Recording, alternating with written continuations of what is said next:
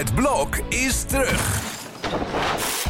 Vier koppels, vier bouwvallen, vier verbouwingen en dus een hele hoop stress. Het blok, iedere werkdag om half negen bij net vijf.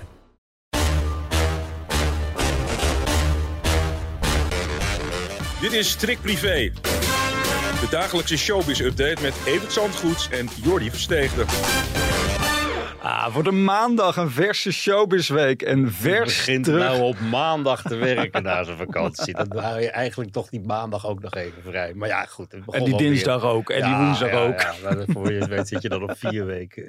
Drie was wel weer even genoeg. Nou, goed je weer te zien. Ja, goed jou weer te zien. Nou, de zakken met post hier van sterren die bang zijn voor het feit dat jij weer terug bent. Moeten ze Nou, oppassen, nou, Evert? Nou, nou, nou, het is dat tot nu toe een beetje voortkabbelende zomer. Hè? Ja. Geen eh, sensatie, een, een, een, een nee. Dus eh, nou, misschien gaat het eh, veranderen. Hebben ze op bijgewacht inderdaad. Precies, nou ja, het grote nieuws was natuurlijk Mark Rutte die Ja, opstapt. Een inderdaad, beetje... Dat kon niemand ontgaan, waar je ook zat. En eh, jeetje, je kan ook niet even op vakantie of Mark Rutte is weg als je terugkomt. Ik kan het woord demissionair. Ik kan daar zo slecht tegen. Dat in elk journaal demissionair minister De Jonge zegt tegen demissionair. Oh ja, ja.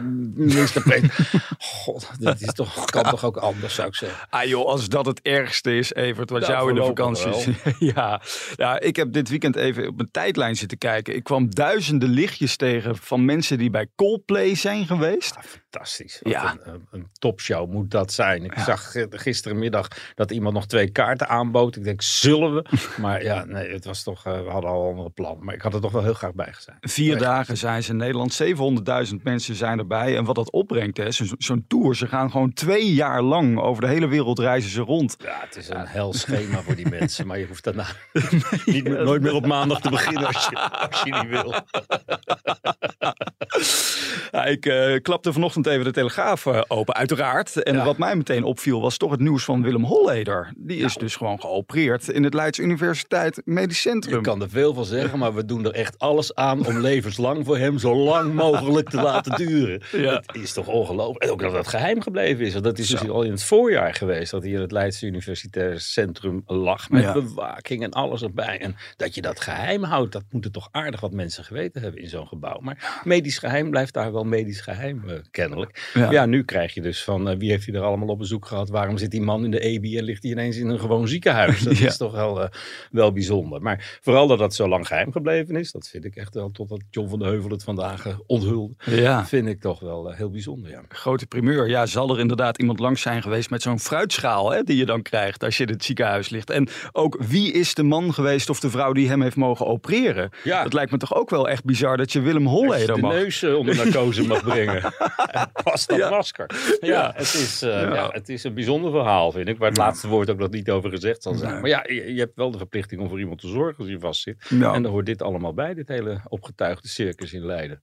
Hartproblemen heeft hij dus. Nou, Chimène van Oosterhout, die eh, heeft dat ook. Ja, die kwam echt in een bizarre vakantie Nou, een terecht. schat van een mens. Ja. En, eh, die is ook door het oog van de naald gekropen. Zo. Want op zo'n Grieks eiland moet je niet al te veel overkomen. Ja, het minste of geringste wordt je per helikopter overgebracht naar Athene. Hmm. Dat kan ik me ook nog herinneren van Gordon, die toen dat merkwaardige auto-ongeluk gehad had op Mykonos. En Oh zo. ja. Die lag ook ineens in Athene toen hij wakker werd. Ja.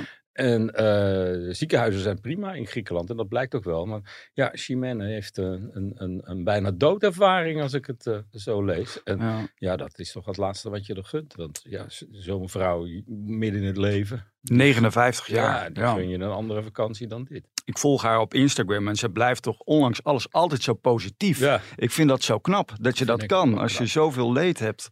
Ja, heftig. Ehm, hè, we zijn allemaal leed aan het bespreken. Zullen Ja, we even wat vrolijks. even wat vrolijks tussendoor? Kom op, even zingen.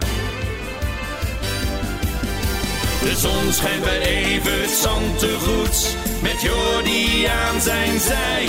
Want het is zomaar. Ja, ja. Privé. Ah, De wannabes. Ja, onze vrienden uit Rotterdam zijn de studio weer ingedoken voor dit extra tuentje. Toch? Dat toch iedereen in de stemming moet brengen. Ja, Ja, en ook zullen- op deze maandag die niet zo heel mooi is. Nee, maar zullen we dan toch even ook positief nieuws brengen? Want Thomas Bergen, die wordt voor de Die derde wordt maar keer- weer eens vader. Nou, Ja, ja, ja, zakken vol wil hij er eh, van, van Elianne. hebben. En, Ja. ja. en eh, nou ja, eh, mooi. Ja, toch? Ja, we hebben er dan inmiddels drie voor hem. Hè? Hij heeft natuurlijk ook al heeft een kindje uit een eerdere relatie met Ja. Meerte Millies. Hoe zou het daarmee zijn? Die was toch... Meer Milius. Ja. Daar hoef je geen medelijden mee te hebben, geloof ik. Die eh, was altijd... ja, die- Zakken vol? Nou ja, die was wel eh, redelijk gevuld van huis uit, begreep ik. Ja. Maar eh, ja, ze is er toch redelijk teruggetrokken uit de publiciteit, geloof ik. Na, na zich eh, een tijdje flink te hebben geroerd. Ja. Zou Thomas Bergen iemand zijn die mee kan doen aan de slimste mens? Je zou je er maar iedereen voor... kan meedoen aan de slimste bands, maar niet iedereen wordt het. Nee, want ik zit even te kijken naar die line-up dit jaar met name. Ik denk van waar zijn nou de echte BN'ers? Waar zijn nou de Wendy van Dijks van deze wereld? Valt In dat dat programma. Ze beginnen vandaag met... eh, Nou, over twee weken. Maar eh, Henk Schiefmacher doet mee. Ja. Ja, Oké, is een BN'er. Maar ik mis een beetje de... de nou ja, Evelina Stallaert doet mee, de seksuologe. Hij heeft wel een hoop spiekbriefjes op zijn arm, volgens mij. Oh ja!